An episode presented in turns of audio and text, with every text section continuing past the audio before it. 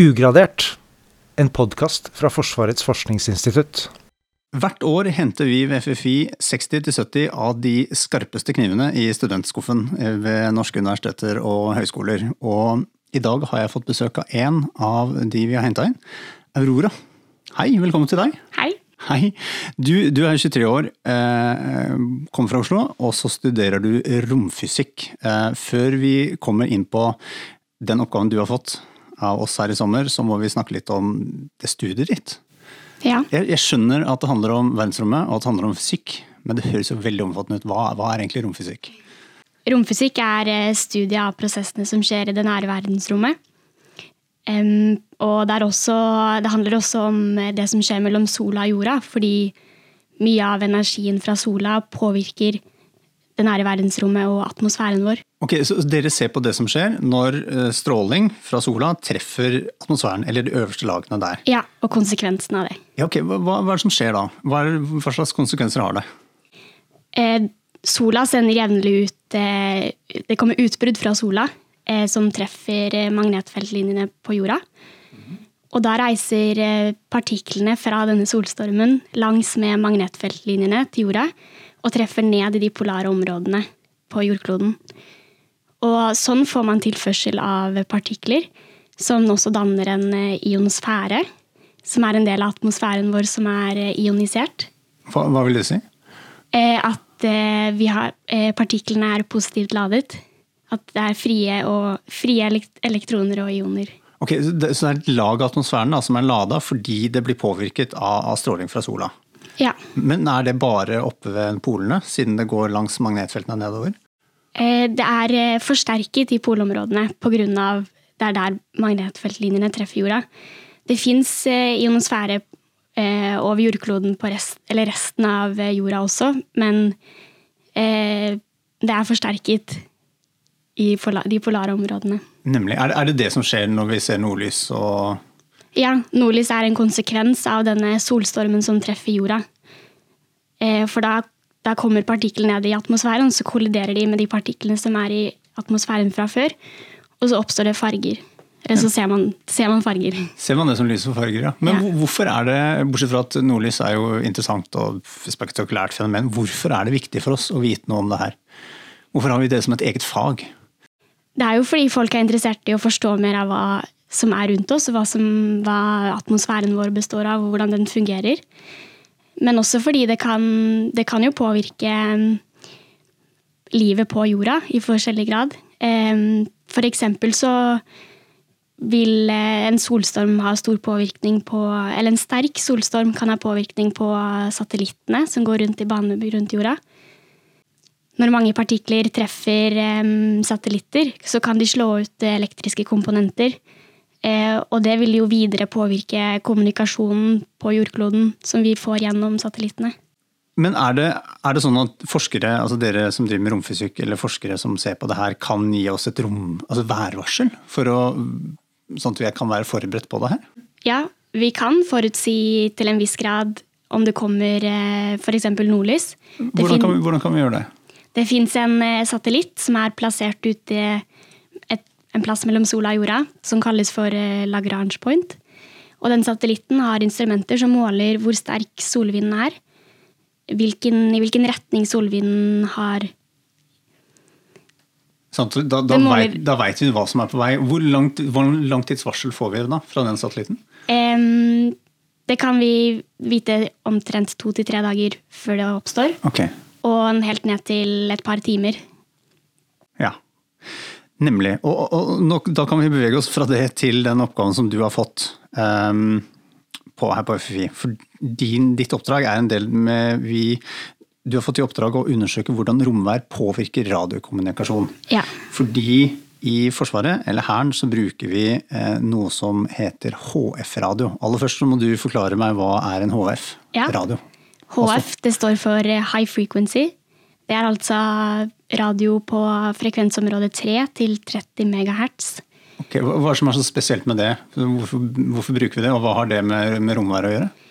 Når eh, vi bruker eh, frekvenser på akkurat det frekvensområdet, så går det an å bruke ionosfæren som refleksjon. Nemlig. Eh, så det betyr at man, kan, man trenger jo ikke noe infra, infrastruktur.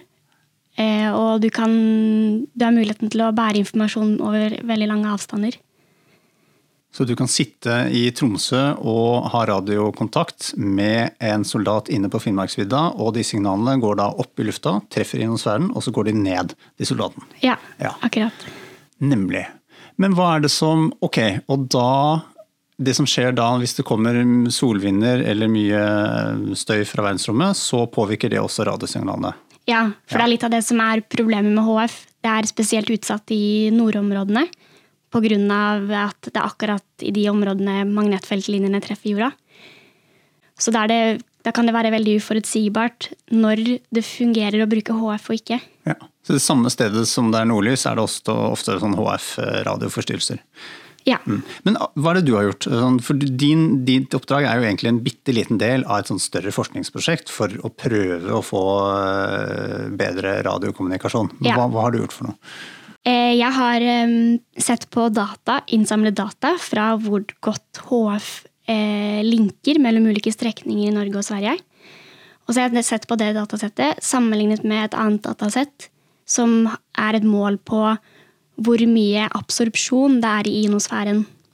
Fordi ionosfærisk absorpsjon er en av de Det er nok den, det som påvirker HF-kommunikasjon aller mest, og som forstyrrer det, som forstyrrer det mest. Nemlig absorpsjon, altså at den rett og slett bare sluker de signalene den egentlig skal sende tilbake. Ja, Ja. At uh, blir absorbert. Og da får de ikke muligheten til å reflekteres og sendes til mottakeren.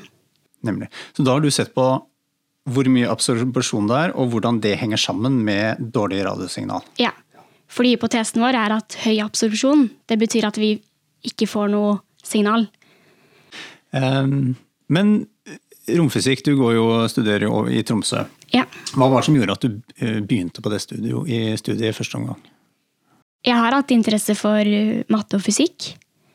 Og så kom jeg over det, eh, den studieretningen, så syntes jeg det hørtes interessant ut. Så tenkte jeg å teste det ut. Um, og så har jeg egentlig bare funnet ut at det trives jeg veldig godt med. Ja, for nå har det gått tre år. Fire.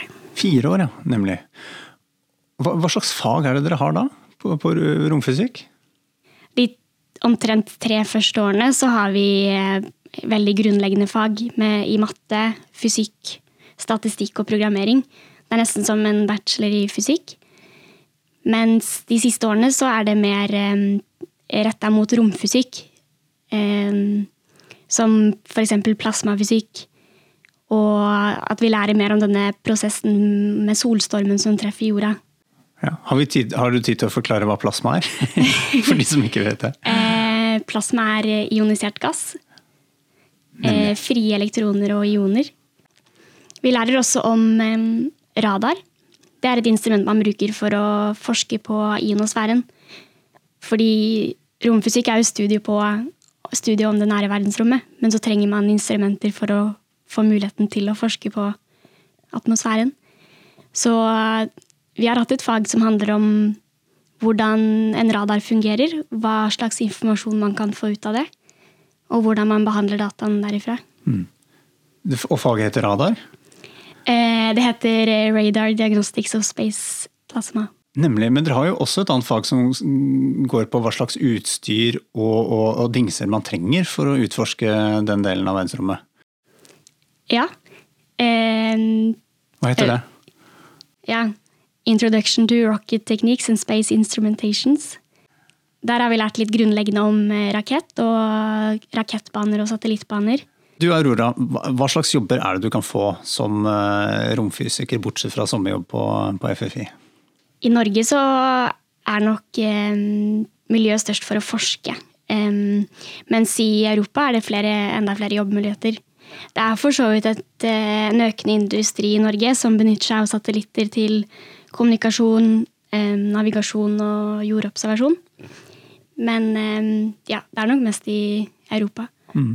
Nå, hørte, hørte jeg at de, de har jo ambisjoner om å starte et eget sånt eh, ra, satellitt- eller rakettoppskytingsbase på Andøya. Ja, Hadde det vært noe for deg? Eh, det kan hende. Jeg syns for så vidt eh, Andøya er en veldig liten plass å bo på. Ja. Men eh, hvis man har en spennende nok jobb, så vil jeg tro at det bare er fint. Du som, du som heter Aurora, burde jo egentlig være nordlysforsker også. Ja. Men er det, er det også noe du kan bli eh, når du har, har eh, romfysikk som Ja. bakgrunn? Du kan også forske på nordlyset. Hva er det, det veit kanskje ikke du, men hva er det nordlysforskere gjør? Jeg, jeg vet ikke sånn 100% men det handler om at man ser på partiklene som er i ionosfæren idet det er nordlys. Så da, har man en, da sender man gjerne en rakett opp i, i lufta når det er nordlys, for å se hva som er, er der akkurat da. Spennende. Og det må du ha en rakettfører, du kan ikke sitte på bakken og måle det? Nei, Um, disse forskjellige instrumentene man bruker, sånn satellitter, raketter og radar, alle de er til ulike formål, fordi de kan ikke, de kan ikke måle alt, Nei. hver av de. Nemlig. Så det er noe man må sende opp raketter for å måle. Eh, Men nå, akkurat nå er du jo på, ikke på Andøya, du er på FFI. Hvordan, hvordan havna du her? Det var faktisk eh, en foreleser jeg hadde i Tromsø, som eh, sa at han jobbet på FFI, og at det fantes stillinger for sommerstudenter. Og så skjønte jeg også at på FFI så jobber man da med romfysikk. Siden det ikke er så enormt stort eh, miljø for romfysikk i Norge, så tenkte jeg at det var veldig spennende at de hadde noe som var direkte relatert til det jeg driver med. Hva slags fag var det han eh, foreleste i? Han foreleste i det vi kalte for rakettfaget. Rakettfag, ja. Kanskje må, han må jeg få tak i og dra inn i studier her, tror jeg. Ja.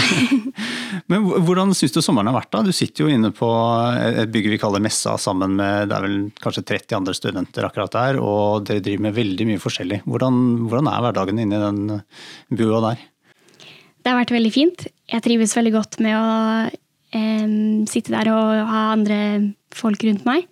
Eh, det gjør at man kommer lettere i prat med folk, men i tillegg til at man kan få hjelp hvis, er man, hvis man har problemer. Kommer du på noe du har eh, spurt om hjelp til? Eh, nei, ikke akkurat nå. Nei, ok. Men hva skjer videre? Nå er du snart ferdig, eh, ferdig her på FFI, og du skal skrive, levere fra deg oppgaven din. Hva, hva skjer videre? Hva, hva liksom planen og drømmejobben videre? Jeg skal faktisk flytte til Hawaii og studere der et år. Nemlig nå til høsten. Nå til høsten. Ja. Hva, hva skjer på Hawaii da? Hva slags studier er det?